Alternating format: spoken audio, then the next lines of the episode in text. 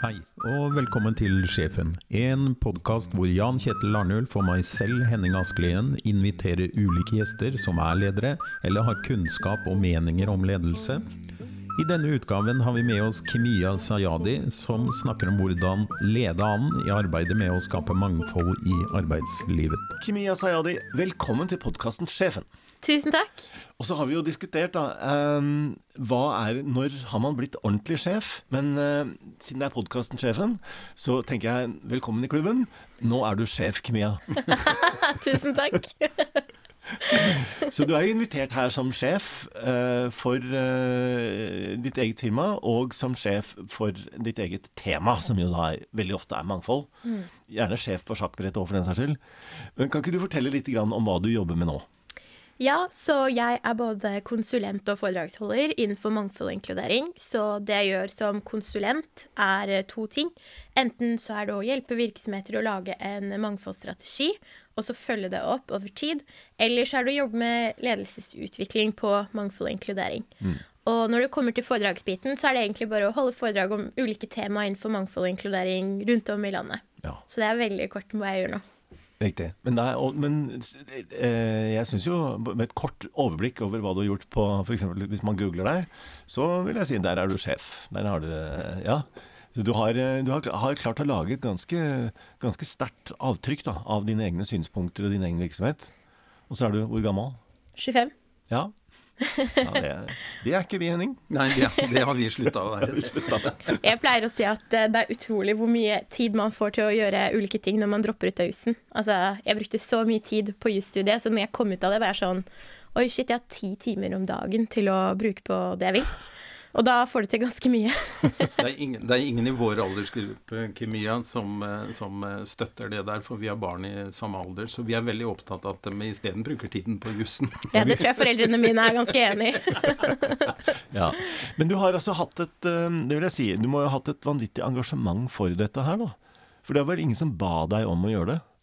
Nei, og det som er litt morsomt, er at jeg visste jo ikke hva mangfold og inkludering var før jeg begynte å jobbe med det. Mm. Så det var på en måte et stykke inn, inn i det, da, at jeg var sånn Å ja, det jeg jobber med, heter mangfold og inkludering. Så det startet jo mer som eh, et personlig engasjement på jussen, mm. hvor jeg ikke så noen som så ut som meg da, i advokatfirmaene, og begynte liksom å stille spørsmålstegn ved hvorfor var det sånn. Og så fant jeg ut at eh, jeg hadde lyst til å hjelpe bedrifter å få flere flerkulturelle, så det starta liksom veldig snevert. Og så har det utviklet seg til å bli litt bredere, altså mangfold og inkludering, alle aspekter, og ikke bare flerkulturelt mangfold. Mm.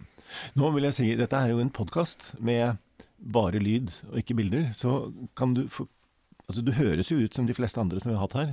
Så hva er, hva er spesielt med deg, Kimia? Oi. Eh, hva som er spesielt med meg? Tenker du sånn bakgrunnsmessig, utseendemessig Jeg vet ikke. Det er, tenker, egentlig, det er, jo en kjempe, det er en kjempefelle for menn, hvite menn i vår alder å bo i det. vet du. Nei. nei, nei, det er bare å spørre. Det er ikke noe, det er ikke noe filter. Bare hva, hva, tenkte du på? Liksom bakgrunn. Det var akkurat det. Fordi, ja. fordi, um, fordi, fordi du sier ting som jeg syns er, er, veldig interessant. Altså, det er veldig mange mennesker da, som føler at når de kommer inn i sammenhenger, så mm så liksom, passer jeg inn her. Mm. Og så finnes det jo en haug med grunner i verden hvorfor man skal passe inn eller ikke passe inn. Ikke mm. Og det kjenner jo mange mennesker på, som er jo hvorfor vi har dette mangfoldsproblemet. Fordi de eh, ofte så forventer verden en standardisering, da. Mm. Og så sier du at vel, du gikk rett inn i noe som du ikke visste mm. var egentlig et mangfold. Det, det, at dette het mangfold, var noe som mm. kom til deg etterpå. Mm, det jeg prøver å få litt tak i, er hvordan, så, hvordan den opplevelsen var som ga deg det her engasjementet da, som, du, som du er i nå. Så jeg prøver bare å dytte litt for å liksom, høre litt mer om detaljene, hva som skjedde? Ja, så det jeg kjente på, var jo at jeg var den eneste flerkulturelle, og da brune, da. Eh, fordi det er jo det man ser når man går inn i en virksomhet. Eh, og så var det noe med at liksom, jeg har vokst opp i Bærum, så jeg er veldig vant til å være den eneste brune i rommet. Det er eh, aldri noe jeg har tenkt over, og det har aldri vært en issue. Men det var liksom når jeg kom på jussen, så var det veldig mange av mine flerkulturelle medstudenter som hele tiden snakket om liksom og vi kommer ikke til å få jobb, og liksom påpekte veldig, liksom gjorde meg veldig oppmerksom da, på nettopp det at ikke det var mange flerkulturelle. Og det var liksom første gangen da jeg innså sånn Oi, shit, er det et problem? Eh, mm. og begynte å liksom reflektere mer over, over, at jeg var annerledes, da, mm. om man kan kalle det, ja, ja. Kalle det ja. ja, ja. Mm. Det er jo eh, Jeg, syns det er veldig interessant å, å, tenke at du kommer inn i dette fra en opplevelse, altså din egen personlige opplevelse. Mm. Så setter du i gang og jobber med det, yeah. og så kommer etikettene på det på en måte etterpå. Ja, Yeah. Det, og det syns jeg er kult. Men før du kom dit, så vil jeg si at uh, du er jo ikke hvem som helst. Altså, du, du, har jo før det hatt en karriere som ganske skarp. Altså, du har vært på sjakkbrettet. Mm. Fortell oss litt om det. Ja, så det starta litt med at uh, jeg hadde ikke noen venn på barneskolen. og så var jeg litt sånn OK, hvordan, liksom, hvor er, hvordan, kan jeg få meg venner raskest mulig? Og det var jo å begynne å spille sjakk, for jeg tenkte at det, det er nok lett å bli venn med sjakkguttene, og det var det jo. Så det starta egentlig som et engasjement for å liksom få venner og ha et sted å være etter skolen. Og så ble jeg jo helt obsesst. Jeg har liksom personlighet liksom Når jeg begynner med noe, så skal jeg bli best. Og så liksom jobbet jeg med det sikkert sånn fem-seks timer hver dag. Og så vant jeg NM to ganger, og jeg tror jeg ble tatt ut til både Eller spilte både EM og VM. Jeg spilte hvert fall VM. Og så gikk jeg på NTG. Så jeg satsa sjakk i seks år, da, mm. før jeg slutta med det. Det gikk noen timer på det, vil jeg tro. Ja, herregud, jeg prøver ikke å tenke på det. men, men, i ettertid ikke sant, så er jeg veldig takknemlig for det, fordi gjennom sjakken så lærte jeg jo disiplin og hardt arbeid og dette med å liksom holde hodet kaldt når, når ting er utfordrende. Og alle disse tingene her trenger man jo som gründer. Mm. Så jeg ville liksom brukt den samme tiden om igjen. Nettopp. Men uh, vi sitter her altså da med en norgesmester. Tidligere. Nå, nå igjen. Men kan man være tidligere norgesmester? Altså ja. det, man, kan, ja, man blir jo fratatt tittelen hvert år nesten. Jo jo, men det, sånn går jo tida. Ja. ja. Og, så må jeg bare si det var for damer, så, sånn at ikke noen tror jeg er bedre enn Magnus her. Nei, men det, han kommer jo fra samme område som deg. Han var vel også fra Bærum? Altså, kanskje ja. samme klubb òg, da? Eller sjakklubb? Uh, ikke i dag. Nei, jeg spilte ja, den... for Oslo Sjakkselskap, så jeg okay. tror kanskje han var fra Bærum, men jeg vet ja, ikke. Mm. Han, han, var iallfall fra Bærum. Ja, det, ja. Eller han er. Ja. Han, han, er. han er jo her fortsatt. Ja. Men det, for det er det jeg vil fram til, egentlig, at uh, du har jo uh, Du har jo noen vil si, solide ressurser å, å mobilisere. Da? Altså, som du sier, selvdisiplin og analytisk evne. Og? Det, det, det, koster, og er for så vidt fortjenestefullt å være norgesmester i sjakk. da. Mm. Men så, så, kom dette med at du var annerledes, eller du, du, ble gående og tenke på det der at du var annerledes. Og, mm. um, det er jo et tema da, som, som, du har klart å gjøre til en forretningsidé kan du dele litt av det også, før vi går inn i selve problematikken? Hvordan, hvordan du tenker rundt det? Altså det, det, å drive et firma, for det er jo tross alt sjefen ja. det, det, er sjefen Kimia som er her nå. Eh, altså, det som var at eh, jeg hadde først en organisasjon, og, eh, og da skulle vi liksom samle inn penger for å hjelpe flyktninger på Lesvos. Da var jeg 19 år. Og, og så syntes jeg det var veldig slitsomt å gå rundt og spørre bedrifter om å få penger. Og da hadde jeg en mentor i et av disse advokatfirmaene som fortalte meg at eh, ja, det er en bedre løsning å på en måte ha et selskap selv, og så kan du heller donere overskuddet til det prosjektet du vil. Og jeg bare herregud, dette er jo genialt. Det var første gangen eh, i livet da jeg tenkte at jeg kunne starte en bedrift. Okay. Så, så, så, jeg visste ikke at det var en mulighet før han sa det. Og så sa jeg hvordan starter man en bedrift? Så sa han du må løse et problem folk er villige til å betale for. Og jeg bare ah, OK. Og så gikk jeg og tenkte på det. Og når jeg da la merke til at liksom, mangfold det var en problemstilling, mange slet med, og de visste ikke hva de skulle gjøre, da er jeg sånn Det her er forretningsideen. Ja. Og sånn starta jeg et selskap, egentlig. Det høres veldig logisk ut når du sier det sånn. Ja, ja. Og liksom, jeg kunne absolutt Altså, ingenting. Eh, jeg kjente ingen som hadde et selskap. Det var bare, det var bare helt random at jeg ble gründer. Ja. Mm. Men ikke random da at du valgte akkurat den ideen. Men hvordan, hvordan, gikk du da fra å oppfatte det som et problem til å oppfatte det som en ressurs? For det er jo det du må ha gjort, da. Eh, det jeg la merke til, var jo at uh, når jeg f.eks. lette etter mentorer og sånn da, for å få råd, uh, så var det mange som sa sånn Ja, jeg kan coache deg, men kan du også på en måte være mentor for meg, fordi du har veldig interessante perspektiv? Og det var da jeg skjønte for første gang at oi, det å være flerkulturell og liksom ha annerledes perspektiver, det er en eh, kjemperessurs. Så det var egentlig sånn jeg skjønte det. Ved at liksom det var flere ledere som på en måte spurte om jeg kunne dele mine perspektiv med dem fordi jeg var flerkulturell. Mm. Så det var, det var inngangen. Mm. Ja. Men du er jo eh, Det tenker jeg da, du er jo flink til å dele og flink til å ordlegge deg. Ikke sant? Så det er jo en eh, Man kunne tenke seg at man hadde de samme ressursene Eh, men egentlig ikke var så flink til å bringe den fram. Så jeg tenkte på, hva, har, du, har du tenkt mye på hva, hva er det du har lyst til å si? Du har lyst til å formidle? For du sprudler jo på en måte over fortellinger og sjakk og hvor du kommer fra og dette her. da. Så hva var det som på en måte, hva var de perspektivene som du kom opp med, som du hadde lyst til å formidle? Eh, Så da jeg starta, så var det jo bare mine personlige meninger. Det er det jo ikke i dag, så nå bruker jeg liksom ganske mye forskning og sånn, men da jeg starta, når jeg var kanskje 7 eller 21 år, da handlet det liksom veldig mye om sånn ja, det her med at man på en måte ikke så noen som så ut som seg selv, og det med f.eks. sosiale aktiviteter. Så da jeg gikk på jussen, så var jo alle bedriftsarrangementene var jo fulle av alkohol, f.eks., og maten var ikke merka om hva det var. Så det gjorde jo sånn at mine muslimske venner de bare lot være å spise, fordi de ønsket på en måte ikke å plage folk og være sånn Ja, hva er det i den pizzaen der? Så de bare Ja, da spiser vi ikke. Uh, det var et problem. Men da, et annet problem var jo liksom Det var nesten sånn man dro på bedriftssamling for å gå på vors. Så for de av oss som ikke drakk så mye, eller ikke drakk i det hele tatt, så var jo ikke det så interessant å dra. Så det var også en sånn utfordring som jeg tok opp, at liksom man må ha aktiviteter som er mer for alle, og ikke bare for én majoritet. Og jeg vet at det er også mange etnisk norske som ikke drikker så mye, eller drikker. Så det var noen av eh, perspektivene jeg tok opp. Og det siste var liksom at når man går inn i et rom, og man ikke ser, ut noen, ser noen som ser ut som seg selv, så er det jo veldig lett å tenke at jeg passer ikke inn her.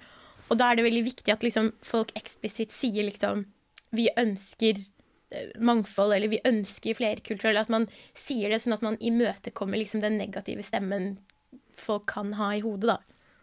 Ja, for det tenker jeg er eh, For å si det sånn, ikke opplagt. Altså jeg tror uh, I verden i dag så, så tror jeg, i hvert fall i, i forretningsliv og i mange organisasjoner og sånn, så har man en vag anelse om at ok, alkohol, som du sier, det er, det er jo både i norsk og i andre sammenhenger kan være vanskelig. ikke sant? At, at folk har religiøse eller andre vaner når det gjelder mat og sånn. Men, men det som du snakker om som er den indre stemmen, som jeg tenker, Det er jo det som du sier at du begynte å oppdage på jussen. At du, altså den der med at du, at du selv begynner å lure på om du hører inn og altså, du må, vi, vi må på en måte snakke til noe inni personen, da, hvis jeg forstår deg riktig. Kan du si litt mer om hva, hva, hva det er for noen ting? Det jeg legger merke til, er jo at folk fra liksom ulike minoritetsgrupper At man kan ha på en måte dårlig selvtillit som følge av det man ser skjer i samfunnet. Og det er viktig å adressere den dårlige selvtilliten. Og et eksempel på dette her er også aldersdiskriminering. Eh, arbeidstakere over 50 år. Altså aldersdiskriminering er mer utbredt enn både kjønnsdiskriminering og etnisk diskriminering. Så et konkret eksempel her er eh, da jeg skulle rekruttere nylig, så fikk jeg mange søknader, og de fleste som søkte, var faktisk rundt 50.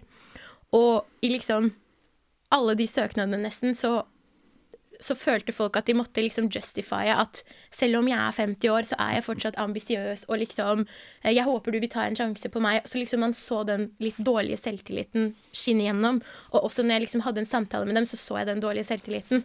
Så da var det liksom viktig for meg å si at nei, det er ikke en svakhet, det er en styrke. Så det der kommer bare ikke, liksom, ikke bare på flerkulturelle, men det kan også f.eks. komme for eldre arbeidstakere, da. Ja, nei, jeg, kjenner på den hver dag, jeg for min del. Jo, men, men eh, kommer du med, med, med råd til, til uh, dine klienter, da, dine, de bedriftene du jobber med? Kommer du med konkrete råd om hvordan de skal håndtere f.eks. det med flerkulturelle? For at, hvis du kommer i en stor forsamling, da, som du sier, Kimia, og du, og du ser at du er den, ene, den eneste med, med en synlig flerkulturell bakgrunn, så håper jo ikke du at eh, konferansieren i den store konferansen gjør et stort poeng ut av det heller. ikke sant? Man ønsker jo, Det er jo, det er jo en balanse her mellom det å bli på en måte nesten outa, at du blir pekt på, kontra det å bli akseptert. da. Den balansen kan antagelig være litt vanskelig for mange ledere av, av vår kaliber, da, Jan Kjetil, som, som Ja, er hvite de... menn 50 pluss, ikke sant, Jo, som jo. har dominert lenge. At vi, vi vet ikke helt hva vi skal gjøre. Hvis du, hvis du har en ung kvinne som er flerkulturell, liksom, og den eneste på advokatkontoret, hvordan, hvordan skal du adressere det slik at både hun føler seg trygg, og at de andre forstår at eh, det er ikke mitt mål å peke på henne. Ikke sant? Det, det må jo være noe av det som kanskje du bidrar med, tenker jeg. Med, du gjør iallfall det i de artiklene dine på LinkedIn. Da. Mm. Jeg syns det er et veldig interessant spørsmål. Så først og fremst er det veldig viktig å huske på liksom at flerkulturelle er jo en kjempemangfoldig gruppe. Mm. Du har folk som søstera mi, som er sånn Jeg er ikke flerkulturell, typ nesten. Jeg er norsk. Eh, lillebroren min syns han er halvt norsk og halvt flerkulturell, og jeg føler meg flerkulturell. Så folk liksom Folk er forskjellige. Eh, og så ble det gitt ut en rapport i fjor som heter 'Sammenhenger mellom økt etnisk mangfold og lønnsomhet i mm. norske virksomheter'. Og da så man liksom på at for at etnisk mangfold skal være lønnsomt, så må man ha inkluderende ledelse. Og et av de aspektene var liksom at lederen må klare å både fokusere på likhetene, men også forskjellene. Mm. Så det som typisk skjer i Norge, er at man enten sier 'Å, jeg er fargeblind'. Eh, Kimia, for meg er du det samme som Ola Nordmann. Og så er jeg sånn Ja, men jeg er jo ikke det. Ikke Eller sånn Jeg er jo annerledes. Så det er liksom noe med å uh, anerkjenne annerledeshetene. Men det er som du sier, helt riktig at hvis man også ikke fokuserer på likhetene, da blir det jo veldig sånn Oi, Kimia, du er hun brune. Liksom, du er annerledes. Så det er liksom viktig å liksom fokusere på likhetene også, sånn at man er en naturlig del av fellesskapet. Og for å gjøre dette litt mer konkret, så vil jeg jo si at det er jo sånn man leder alle sammen. Det er på en måte å bli kjent med hver enkelt og se uh, hvilke særskilte behov er det du har. Og det mm. kan være som følge av at du ikke, nettopp har vært gravid også. Uh, og hvilke likheter Altså hva er det som knytter oss sammen? Mm. Og så er spørsmålet hvordan kan man få til det i praksis? Og ja, det, det, det, vet jeg ikke. Jeg tror man må liksom bare prøve seg frem. Ja, og da må man også tåle at man feiler, da. Ja, for å si det sånn, jeg har hatt Eller jeg liksom er leder nå, og eh, for første gang for noen på liksom fulltid. Og jeg bare sier at God bless alle lederne der ute, fordi det er så utrolig krevende, og problemstillingene man står inn i. Og jeg har verdens beste kollega, så det har ikke noe med det å gjøre, men bare sånn hvor tøft det er å lede. Mm. Uh, og tenk hvis du har 100 ansatte, da. Mm. Nei, det er et ja. godt poeng, det, altså. Det er, lett er det nærmere ikke. Nei. Så, uh, så, det er for så vidt riktig. Jeg syns noe av det som du sier, handler om, om at å ta, i, å ta tak i problemet, da, for å si det sånn. Ikke være redd for å ta tak i det. Mm. Um, uten at det fins en ferdig oppskrift på det. Mm. Så uh, jeg har bare lyst til å liksom, fortelle om en episode som jeg tenkte over noen ganger. Jeg, før i tida så hadde jeg et asylmottak ikke langt fra der hvor jeg bodde. Mm. Så, og, og, Ulempa med de folka som var på det asylet, var at de eh, hadde ikke altså Det kom ulike folk hele tida, så det mm. var ikke mulig å få noen kontakt sånn sett. Men det, mm. fra tid til annen så gikk det altså den ene eksotiske eksistensen etter den andre forbi hagen min, på en måte. Mm. Og I Norge så tror jeg at vi, vi prøver å ikke spørre folk hvor de kommer fra, fordi mm. ofte at det, det, det, er høfligst å ikke bry seg. Mm. Mm. Så jeg tenker på mange steder jeg har vært i verden og sett rar ut i forhold til de som bodde der, mm. og hvor folk ikke har sjenert seg i det hele tatt for å spørre hvor jeg kom fra. ikke sant? Uh, og jeg føler at noe av det du tar opp her, er liksom den Man kan både være for distansert, da, eller for pirkete, på en måte. Altså, eller man kan ha sine egne fordommer. Men jeg tror det er den balansen folk syns er vanskelig, da. Ja, og så tror jeg Man snakker jo ofte om liksom hva er majoriteten, eller hva er ledernes, eller hva er arbeidstak arbeidsgivers plikter, men jeg er også like opptatt av Nei, arbeidsgiver. Jeg er like opptatt av arbeidstakers plikter. Og det er jo nettopp dette her med at hvis vi skal kunne bygge bro, da, og at ikke det skal bli splittelse i samfunnet, da er vi helt avhengig av at hvis du stiller meg spørsmålet 'hvor kommer du fra', at ikke jeg skal være sånn 'å herregud, jeg ble diskriminert i dag'. Mm. Altså vi må ha en mye høyere toleranse. Og selvfølgelig det handler ofte om kontekst og hvordan er det ting blir spurt. Men jeg pleier alltid å si liksom Vi som er minoriteter i ulike settinger, vi må liksom la tvilen komme litt til gode. Og så må man prøve å ha en god samtale. Og en veldig god historie her er jo at uh, mammaen min, hun har hun har vært litt imot skeive de siste ti årene, så vi har hatt veldig mange samtaler om dette rundt middagsbordet. Og helt ærlig så bare hadde jeg egentlig mista litt håpet for at hun skulle endre seg. Eh, og så skjedde det en gang at eh, det er en som heter Torben Dyr-Nilsen, og vedkommende er transseksuell. Så på LinkedIn så har uh, vedkommende bilde av liksom en dame og en mann. Det er delt i to. Mm. Så mamma har hele tiden trodd at dette her er en kone og en mann, eller kone og mannen hennes, som deler denne LinkedIn-profilen. Så en dag, når det plutselig bare var bilde av en uh, mann der, så trodde mamma at de liksom hadde skilt seg. Så når mamma møtte Torben på et event, så spurte hun liksom hva har skjedd med kona di, jeg skjønner ikke, har dere skilt dere? Og så var Torben sånn nei, begge de to er meg. Og mamma var sånn Hæ? Og jeg liksom, Nei, begge de to er meg. Og man var sånn Å, er du tra, tra, tra? Og han bare ja, det er lov å spørre, det går fint. Så poenget er han håndterte det så bra. Og det gjorde sånn at på T-banen på vei hjem så var mamma kjempenysgjerrig for første gang, stilte masse spørsmål, og hun har endt med å gå i pride siden. Og det hadde ikke skjedd hvis ikke Torben hadde liksom imøtekommet hennes veldig rare spørsmål. Og jeg ble liksom, jeg tenkte at Torben kom til å blokke meg på LinkedIn nå. Men han imøtekom det liksom med tidenes kjærlighet, og da ble en bro bygget. Mm. Yeah. Er, ikke her, er, ikke det en standard òg, at de flerkulturelle vi kjenner, de er veldig ålreit. Men de vi ikke kjenner, de er vi mer skeptiske til, ikke sant. Ja. Så de man kjenner fra en annen gruppe, de, mm. de, de syns man alltid er ålreit. Mm. Du har jo hørt det på industriarbeidsplasser, at ja, han ene fra Pakistan som jobber hos oss, han er bra. Mm. Men de andre er jeg skeptiske til. Ja, ja. Ja. Men, men, sånn hadde vi jo også med nordlendinger en periode, da. Man var skeptiske til nordlendinger. Men, men, det er vel det med, med alle disse ulike gruppene vi er i. Så når arbeidsgiveren velger å gjøre advokatkontoret sitt kulturelt homogent, mm. så gjør han det for å slippe all støy, antagelig. Ja, men det er også litt komplisert, fordi vi så at det bare er 10% av de på jussen som er flerkulturelle. Mm. Og eh, vi var jo besøkende forretningsadvokatfirmaene, som er liksom Det er allerede et nåløye for å komme inn. Og da hvis bare 10% er flerkulturelle, så er det jo noe også med at akkurat de har jo ikke så mange å rekruttere fra. Men hvis vi ser på andre typer stillinger og steder som har et større mangfold å rekruttere, rekruttere fra, da begynner jeg å stille meg litt mer skeptisk til liksom Hva er det som skjer her? Hvorfor har man ikke flere flerkulturelle? Ja, man velger den letteste veien for seg selv. Og så og så bør man, iallfall i, det private næringslivet, så slik man jo forsvare seg hele tiden. Eh, man er underlagt et eh, relativt moderat regelsett fra samfunnet. Mm. Og så velger man da, som iallfall historisk, så velger man jo til og med kandidater fra det samme universitetet man gikk på selv. ikke mm. sant? Altså, det blir veldig homogent etter hvert. Mm. Men, men det jeg er litt sånn opptatt av, er jo liksom hva kan man gjøre? Og som jeg sa, altså både ulike minoriteter er veldig annerledes, men også ulike arbeidsplasser er annerledes. Så det jeg er opptatt av, er liksom at man må ha ganske mye innsikt fra sitt eget team eller fra sin egen virksomhet før man begynner å implementere tiltak.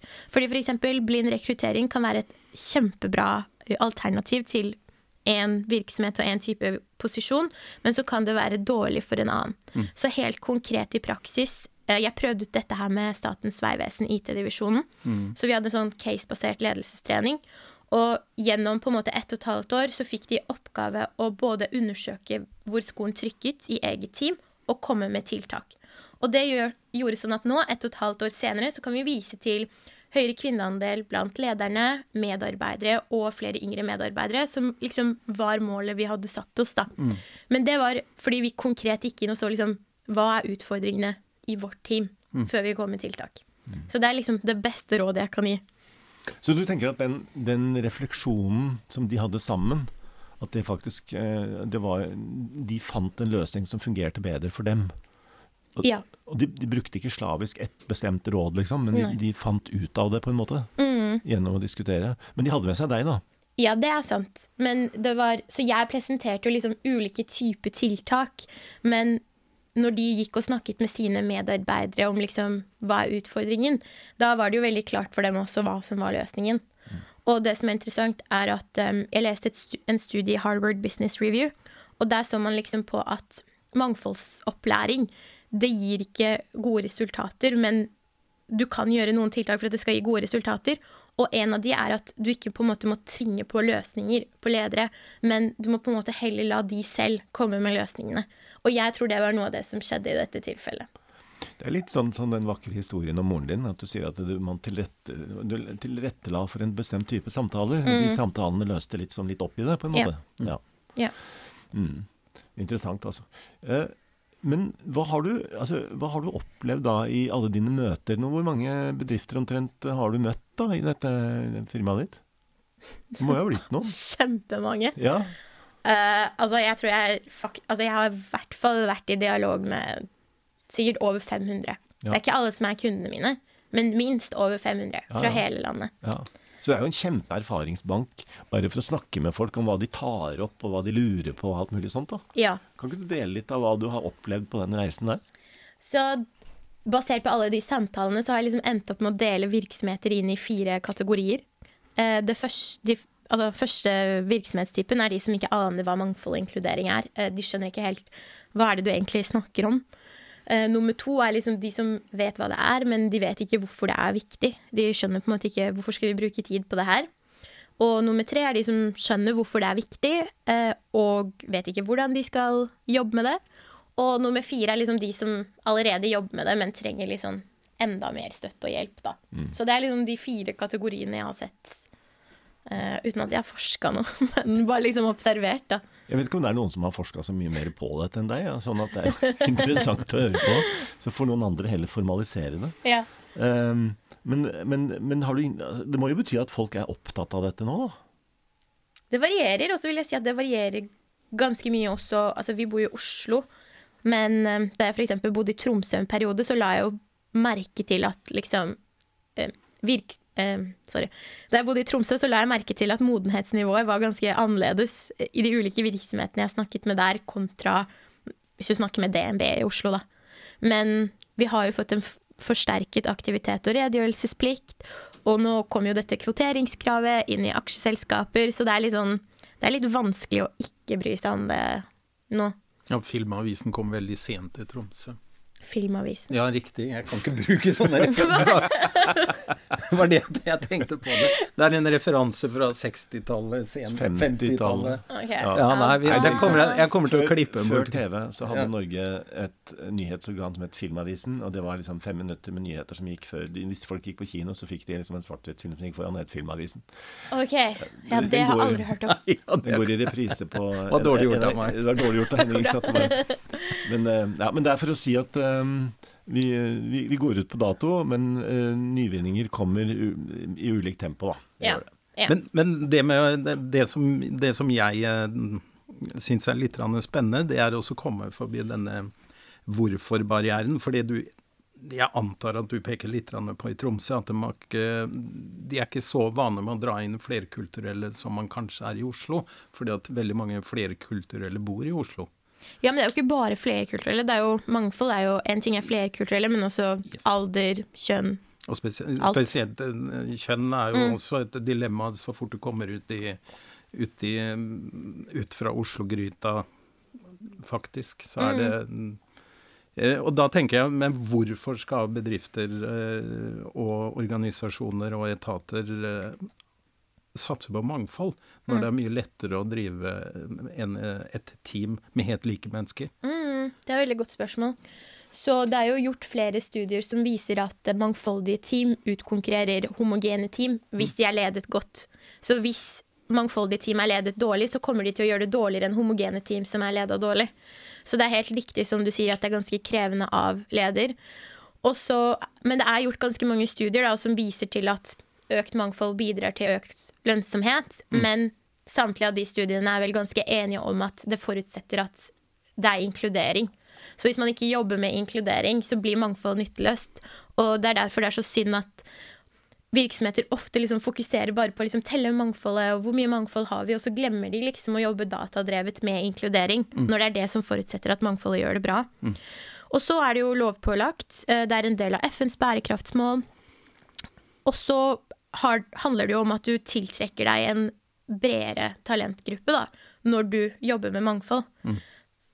Og til slutt så vil jeg også si dette her med å bli en mer attraktiv arbeidsplass. Man ser at min generasjon er veldig opptatt av dette med bærekraft, sosial bærekraft, mangfold og inkludering. Så det er også noen undersøkelser som viser at det kan ha en positiv effekt da, på ditt employer brand. Mm. Så mange gode grunner. Der Henning, er vi antagelig allerede er åtta som en, eh, en, eldre hvit arbeidsplass, du og jeg, i hvert fall i podkasten vår. Men vi prøver så godt vi kan. Ja, ja, ja vi prøver så godt vi kan. Men jeg, eh, jeg, hadde lyst til å gå litt tilbake igjen til det du sier om det som var datadrevet. Jeg ble mm. litt sånn nysgjerrig på det. Mm. Hva, hva tenker du når du sier det? det ta oss mm. litt mer med på det. Eh, så det handler om å da samle innsikt om hvordan folkene i virksomheten har det, med fokus på de tingene som er en del av inkludering.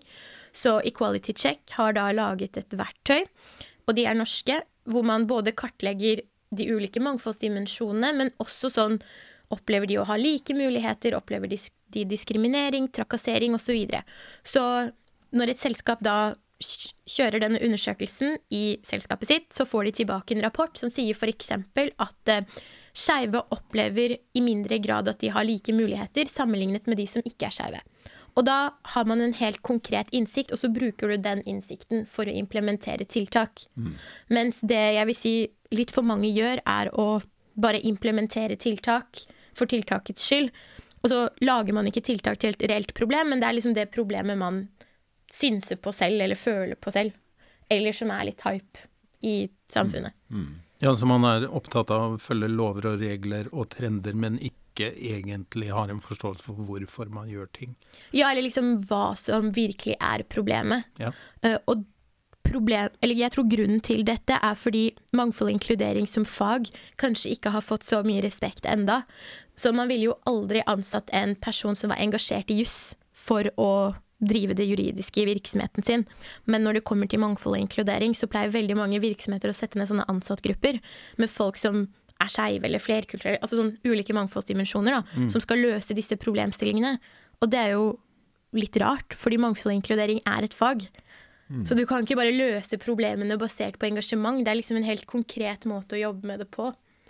Hvis jeg kan få lov til å, å, å tvike litt på eksempelet ditt, mm. så vil det være som at eh, du ansatte en skurk for å jobbe med compliance, for at han har jo vært borti loven, istedenfor å ansette en som faktisk kan faget. da. Ja. Så uh, på samme måten så tar, tenker du at uh, la oss nå ta den mest uh, annerledes utseende eller oppførende personen i bedriften og si at du er mangfoldsgruppa mm, vår. Mm. Det, er noe der, da. Mm. Ja, ja, det er, det er kjemperart. Og det er også noe med liksom Skal en eller to personer liksom, Jeg kunne aldri gått inn i f.eks. Telenor og snakket på vegne av flerkulturelle. Flerkulturelle er jo så annerledes. Eller skeive, eller whatever. Så det der med datagrunnlag tror jeg er veldig, veldig viktig. Mm. Um, men jeg har jo lyst til jeg vil spørre deg om en ting som jeg er veldig engasjert i når det kommer til ledelse og mangfold. Så jeg vet ikke om du har sett noe på dette, men uh, nå er det jo slik at vi er fem generasjoner som jobber side om side på arbeidsplassen. Mm. Og det har aldri skjedd før. Og da er det jo ulik forskning på om liksom Krever det at ledere leder annerledes ut ifra hvilken generasjon du er fra? Og da er jo forskningen ganske tvetydig, der én del sier at ja, hvilken generasjon du er fra, har noe å si for hvordan lederen skal behandle deg. Men andre delen av forskningen sier at nei, det er ikke generasjonen du er fra som har noe å si, det er mer liksom livsfasen du er i nå. Det er det som gjør sånn at det krever liksom annerledes ledelse. Så har du sett noe noe på det? Ja, det er ikke en form for forskning som jeg har drevet med selv, men jeg har drevet med noen ting som ligner på det. Mm. For at vi har drevet med hva Du kan si at når, Hvis du tar rekruttering som et eksempel, da, så, så, er det som Henning snakker om, det at man ansetter noen som ligner på en selv. Eller det bør ikke være noen som ligner på meg heller. Det kan være at jeg har en bestemt stereotypi, så jeg ansetter alltid folk fra med en eller annen bestemt egenskap, og så tenker jeg at det er, det er de som får til dette her. Det viser seg det at folk, folk, som driver med ansettelser, hvis ikke de kan faget, som du sier, så er man veldig fort offer for ganske mange idiotiske sånne forenklinger og stereotypier. Da, og det gjør jo at ledere som driver ureflektert, de er ofte ganske dårlige til å drive rekruttering, for å si det sånn. Man ser på det, selv de som sier om seg selv at de er menneskekjennere, så er de egentlig ganske dårlige. Mm. Så Derfor så veit vi eh, fra forskningen, så kan vi si veldig uh, sikkert at det du sier virker veldig sannsynlig, fordi at de som kan et fag og jobber systematisk med det, de treffer ikke hver gang, men de jobber i snitt bedre da, enn de som bare kjører med magefølelsen. Mm. Men til det du sier om generasjonene, så uh, tror jeg det er riktig som du sier at uh, det Eh, det er nok antagelig så går det gærent, vil jeg tenke, hvis, hvis man har undersøker om stereotypier stemmer. Altså gamle er sånn. Mm. Det finnes utrolig mange måter å bli gammel på.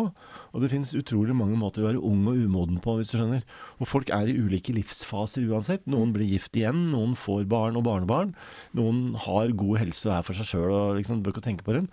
Så jeg tror det som du det du sier, altså moren din, den vakre historien om moren din forteller, det er at hvis, du, hvis, man tør å gå inn og spørre folk litt mer om deres individuelle situasjon, så får man til ting som man ellers kan komme til å rote vekk hvis man eh, går etter oppskrifter. Da. Mm. Og jeg tror det er derfor de ofte ikke får noe tilslag, de som sier at eh, nei, du trenger ikke å bry deg om systematiske forskjeller, for de er ikke Det er klart de er der.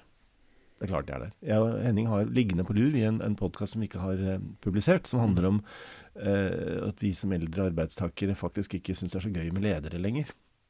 Så, men, men, men alle folk har et eller annet å bære på. Ryggsekk, ja.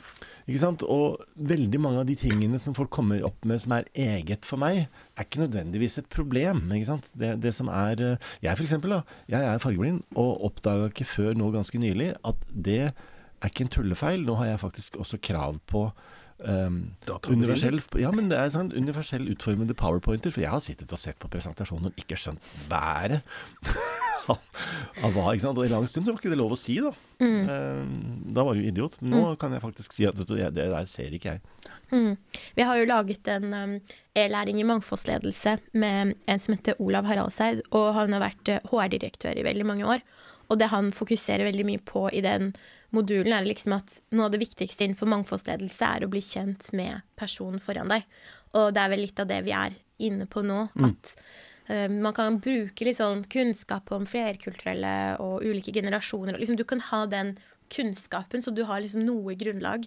Men man må ikke glemme hvor viktig det er å bli kjent med folk, Nei, folk da- foran deg. Man må også bruke tid Mm. som leder på å kanskje jobbe mer med gruppa si når man har mangfold i gruppa, da, og ta Ja. mer hensyn til at jeg må sette av mye mer tid på å være faktisk leder. Ja, Men det er interessant å tenke hvis man har et eh, forhold til de spørsmålene man kan stille. Så du, eh, Kimia, du sa jo at eh, for eksempel så det, det må jo ikke være feil å spørre folk hvor de kommer fra, selv om jeg, det er ikke noe vanskelig for meg å på en måte høre at du kommer fra Bæ- Bærum. Altså, jeg, vil tenke, jeg kommer en person fra Bærum. Men hvis jeg spør hvor du kommer fra, hvor kommer du fra da? Jeg kommer fra Iran. Jeg ble født i Iran. Ja, Jeg kom med hit når vi var tre år. Når jeg var tre år. Ja, det kan du farsi. ja det kan jeg. Okay. Jeg kan både lese og skrive. Oi, wow. Ja. Ehm, eh, altså, jeg tuller jo med, med Henning, for at han, Henning kommer jo fra utlandet. Eh, Det ville Østen. Ja. Østfold. Han er fra Sarpsborg. Så vi, dette kan vi jo tulle med. Ja, ja, ja. Uh, men det er mye vanskeligere å tulle med? For det, det er sånn tenker Oi, eh, Iran og politikk og religion og, ikke sant? Det, er- det er masse som kommer opp med en gang som gjør at jeg kjenner at det her er, der blir jeg nervøs, da. På en annen måte.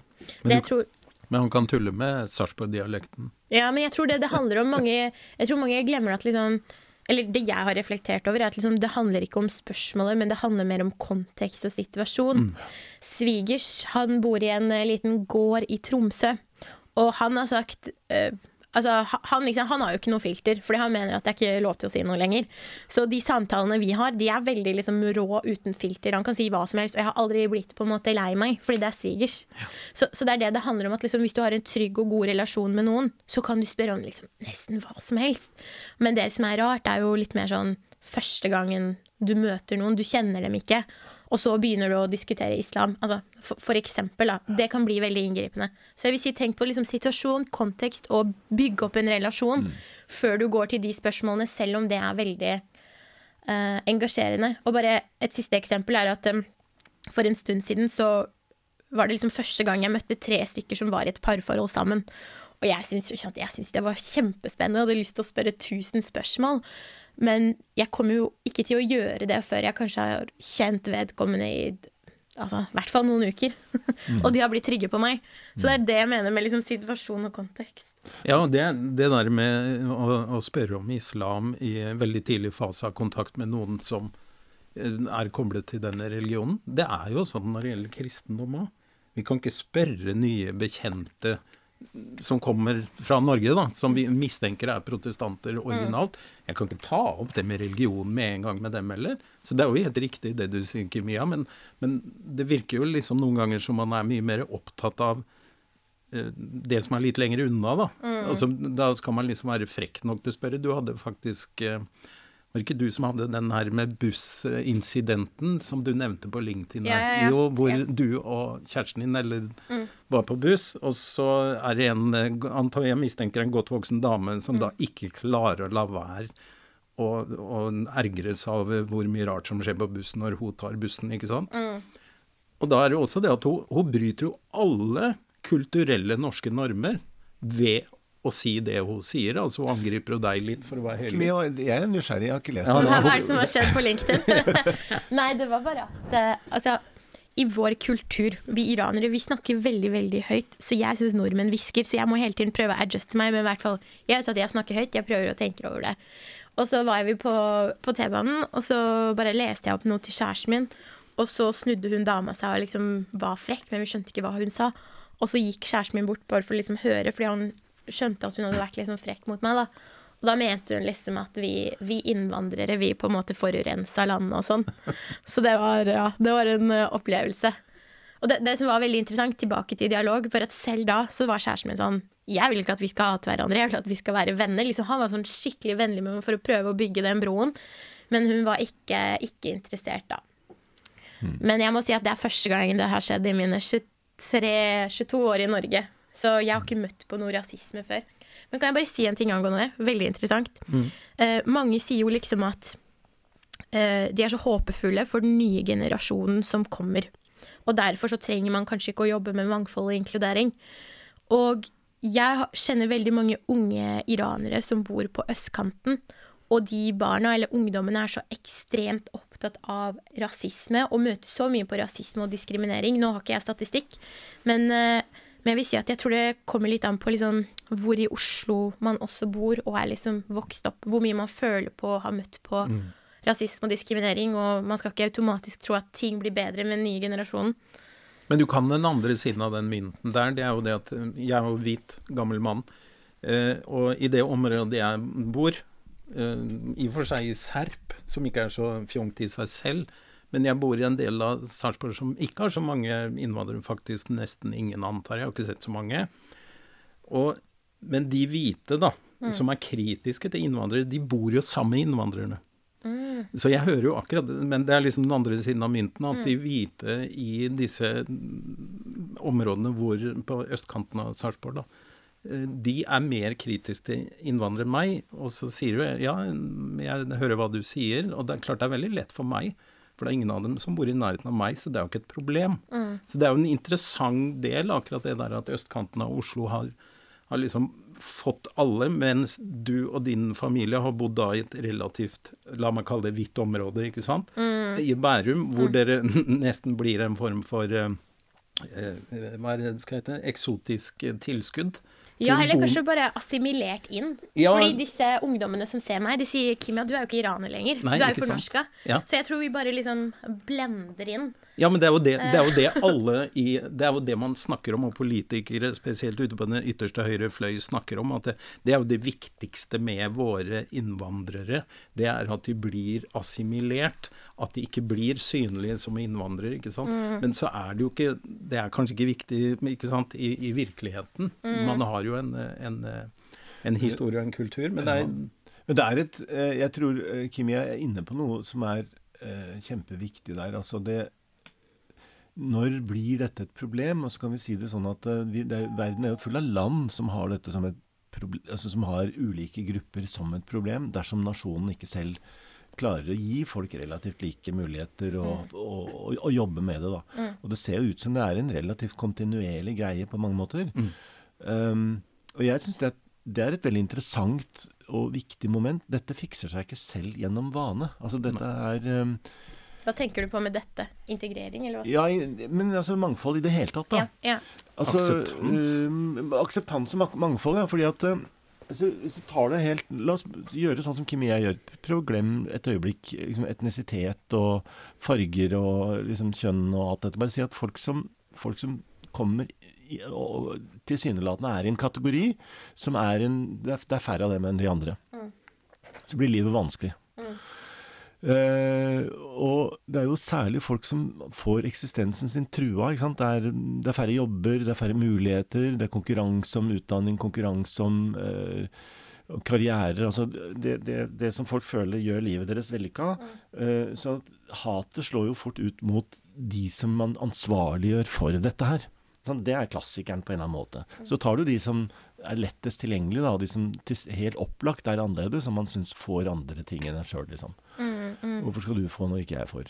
Og det, det syns jeg er veldig kjipt, og jeg legger merke til det at de ungdommene eller unge jeg møter i dag, som møter mye på rasisme og diskriminering, de får på en måte et sånt hat da, mot mm. Norge. Uh, og jeg hadde jo hun ene jenta med meg til Kristiansand, hun var på sånn arbeidsuke, 14 år. Og vi var i møte med Kristiansand kommune, og da var hun veldig opptatt av å liksom snakke om hvordan eh, norske hata på utlendinger, og liksom det var det eneste hun snakka om. Hun var så opptatt av det. Og det er nettopp det du sier, at hvis man føler på den urettferdigheten, så skapes det splittelse. Og splittelse Vi ser jo liksom hva det gjør med verden. Så jeg tenker, du spurte om hvorfor å jobbe med mangfold og inkludering, og for meg så handler det veldig mye om at hva slags verden har jeg lyst til å leve i? Ja, og Hva slags verden vil næringslivet ha rundt seg? Ja. Og, de, og da får de et ansvar om at da må vi bidra til at det ikke blir hat og splittelse rundt oss. Ja, fordi mm. det, det, kommer ikke til å gagne noen, og jeg tror ingen vil leve i det samfunnet. Og det er så sterke krefter som kjemper for splittelse i dag. Og så bare, hvis vi tar det litt sånn ekstremt, da, se på Israel-konflikten nå. Mm. hvordan liksom det er så splittelse. En sånn dame som, derfra som bare fortalte at liksom, hun hadde null medfølelse med folk som ble bomba i Palestina. Hvorfor? Bare fordi de var palestinere. Altså Med en gang det blir den oss og dem. Mm. Så folk kan liksom legit bare se folk bli drept og ikke føle noe. Og det er farlig. Det, det vil vi ikke ha i Norge, tenker jeg. Nei, ikke sant. Og det, og det, har vi jo sett fra mange land, at det kan jo treffe en hvilken som helst gruppering, på en måte. Og, og det jo, understreker jo veldig akkurat det du sier, at selv om den konflikten er gammel, så har den jo ikke nødvendigvis blitt bedre. Så det, det sier at det, tiden leger ikke alle sår, da. Mm. Um, det gjør den ikke. Men uh, før vi For det er ikke så mange Ikke mye man snart gis av. Uh, kvinner Vi har snakka veldig mye om uh, flerkulturelle. Mm. Og så har du nevnt dette med, med 50 pluss, at vi, vi, sliter. Kjenner du på det, Jan Kjetil? Jeg tuller ikke med det. altså Jeg kjenner mange. Det, men jeg kan godt være ærlig på det. At jeg sier at jeg, nå har jo jeg jobb og alt sånt, så men jeg kjenner jo på at jeg er blitt eldre, og jeg kjenner, jeg kjenner, mange mennesker i mitt livsavsnitt som er redde for å miste den jobben de har, f.eks. For eksempel, fordi de veit at hvis jeg mister denne, så har jeg ikke noen andre steder å gå. Mm. Det er mange som sier det. Og jeg leste at uh, jeg tror det er rundt 50 000 i dag, over 50, som går på arbeidsavklaringspenger. Mm. Og hvis man mister jobben sin, så jeg tror det var ta gjennomsnittlig tre år før du får ny jobb. Mm. Hvis du er over 50. Så det er, det er et kjempealvorlig problem. Det er et, det er et uh, kjempeproblem, og det kommer antagelig til å bli større i en periode, fordi at det kommer flere av dem. Helt riktig. Ja. Men, men, det kommer også en, en, Jeg påstår at den gruppen som jeg tilhører, jeg er 58 Hvis du trekker fra fem år på meg, så kommer du ned til 53. Snittkompetansen blant de som er 53, tror jeg er mye høyere enn de som er 58 når det gjelder digitale verktøy, digitalisering den forskjellen den følger litt eh, min gruppe. Så, og det hindrer antagelig en del, eh, en del eh, godt voksne i å få nye jobber, fordi at de Altså typisk da min gruppe klarer ikke helt å sette seg inn i det moderne samfunnet. Og de mister jo da selvtilliten. Mm. Søker ikke på jobber. Eh, for det har vi også Det jobber jo vi litt med, dette med søkeverktøy for, å, for, for at uh, både kvinner, flerkulturelle og godt voksne skal uh, ikke la være å søke på jobber. Men uh, så hvordan jobber du med, med, med, de godt voksne og kvinner, og ikke bare de flerkulturelle? ja, så det, Dette med de som er over 50, det var vel en problematikk jeg ble oppmerksom på i fjor. Og igjen, når jeg går inn i en virksomhet, så jobber vi liksom med mangfold og se liksom, hvilket mangfold har vi, hvilket mangfold mangler vi. Mm. Så jeg går liksom ikke inn og er sånn Nå jobber jeg bare med kvinner eller bare, bare flerkulturelle. Det er liksom mer helhetsperspektivet. Og gangen i det, uavhengig av liksom hvilken dimensjon du jobber med, er det samme. Det er liksom å se hvilke risikoer er det som eksisterer i vår virksomhet. Hvor er det skoen trykker, før man kommer med tiltak. Og så vil jeg si at um, en ting angående dette her med de, de, du sier som ikke er så gode på teknologi, det er jo at vi forventer jo av innvandrere som kommer til Norge, at vi skal kunne godt norsk. Ikke sant? Vi stiller jo krav til dem. Og det tenker jeg er det samme at eh, eldre arbeidstakere også må huske på at liksom, man må hele tiden fornye sin kompetanse. Mm. Og man må hele tiden lære seg de tingene som arbeidsmarkedet krever i dag. Og det er det jeg sier at liksom ansvaret det kan liksom ikke bli sånn offermentalitet da, hvis man er i en eller annen minoritetsgruppe, at arbeidsgiver og samfunnet og ledere har alt ansvar, og jeg har ingenting. Det er like viktig å stille seg selv spørsmålet hva kan jeg gjøre for å bli relevant? Så det har individet ansvar for. Og så må arbeidsgivere jobbe med å tilrettelegge sånn at alle har de samme mulighetene. Mm. Mm. Hvis du skulle nå si, eh, når du har jobba med dette her og laget dette firmaet ditt, eh, hva tenker du er det er viktigste um, satsingsområdet som du tror er lurt framover nå, når det gjelder, eh, når det gjelder eh, Hvis du skulle liksom peke litt framover, hvor tror du dette kommer til å gå? På mangfold og inkludering. Ja. det burde jeg egentlig vite. Jeg tror det vil være ganske viktig å ha liksom den, nettopp den helhetlige kompetansen om hvordan jobbe systematisk med det. Eh, jeg ble f.eks. nylig rekruttert inn til mitt andre styre fordi jeg nettopp har denne kompetansen. Så det tror jeg er viktig. Jeg tror det er viktig å ha kompetanse om lovkravet, som er aktivitet- og redegjørelsesplikten. Så tror jeg dette med mangfoldsledelse blir viktig. Og så tror jeg faktisk at uh, dette med både som vi snakket om ledelse på tvers av generasjoner, og nevromangfold kommer til å bli ting som ting som kommer til å liksom oppta samfunnsdebatten, og derfor også en viktig del av virksomheten Mm. å ha fokus på. Jeg tror det med nevromangfold, som du sier, faktisk, det er, det er vanvittig interessant fordi at um, eh, altså Jeg kommer jo fra en sånn klinisk psykologisk bakgrunn og var vant til Før i tida så hadde vi noen få diagnoser, og hvis du hadde en diagnose, så kunne du fort falle utafor. Og eh, nå tror vi, i hvert fall sånne som meg, da, tror mindre på disse diagnosene lenger. Vi tror at det er rett og slett utrolig mange måter å være på, med mange nyanser i ting. Og hvor det kanskje ikke er så interessant å spørre eh, om noen faller i den ene eller den andre kategorien, men at vi må prøve å finne ut av hva som er den personens sterke og svake sider. Da, sånn at mye av den tenkningen som du eh, tar opp, da, eller som, eh, som, igjen, som, som du forteller at moren din på en måte oppdaga altså Hvis man nærmer seg folk fra eh, ressurssida, prøver å finne ut hva er det de kan, hva er det de ikke kan, hvordan er det de er, hva er det de kan forandre på, hva er det de ikke kan forandre på, ikke sant? Så er det jo Der tror jeg faktisk at i et samfunn hvor, er, hvor det er farlig med at for mange går på trygd, for å si det sånn, altså du blir dytta ut, så kommer jo hele spørsmålet hvordan kan du delta, istedenfor hvordan kan vi skyve deg ut. Og det som er veldig interessant her, er at jeg leste f.eks. om Microsoft i forbindelse med et studie jeg tok, og hvordan de la til rette for at folk med autisme skulle klare å jobbe i Microsoft i den rekrutteringsprosessen. Og en av de tingene de gjorde, var f.eks. å fjerne dette her med at det var veldig sånn tidspress på noen av oppgavene deres. Og det man så, var jo at det tiltaket de implementerte, kom jo alle til gode. Og det er det jeg syns er så fint med mangfold og inkludering, å skape rettferdige prosesser. Og mange av disse tiltakene man gjør, det kommer alle til gode. Så selv om du kanskje ikke har en ADHD-diagnose eller autisme-diagnose, så kan du Jeg hadde en venninne på jussen, hun studerte liksom ti timer hver dag, så fikk hun det på eksamen, for hun ble så stressa. Ikke sant? Og hun hadde ingen diagnose. Nei. Så det viser nettopp det der liksom Ja, det handler om å skape et arbeidsliv som er for alle. Da tror jeg vi eh, runder av der. Ja. Det gjør vi. Eh, Kimia Sayadi, tusen hjertelig takk for at du var her på Sjefen og var helt sjef for mangfoldsledelse. Det var, takk for det var veldig gøy. Takk.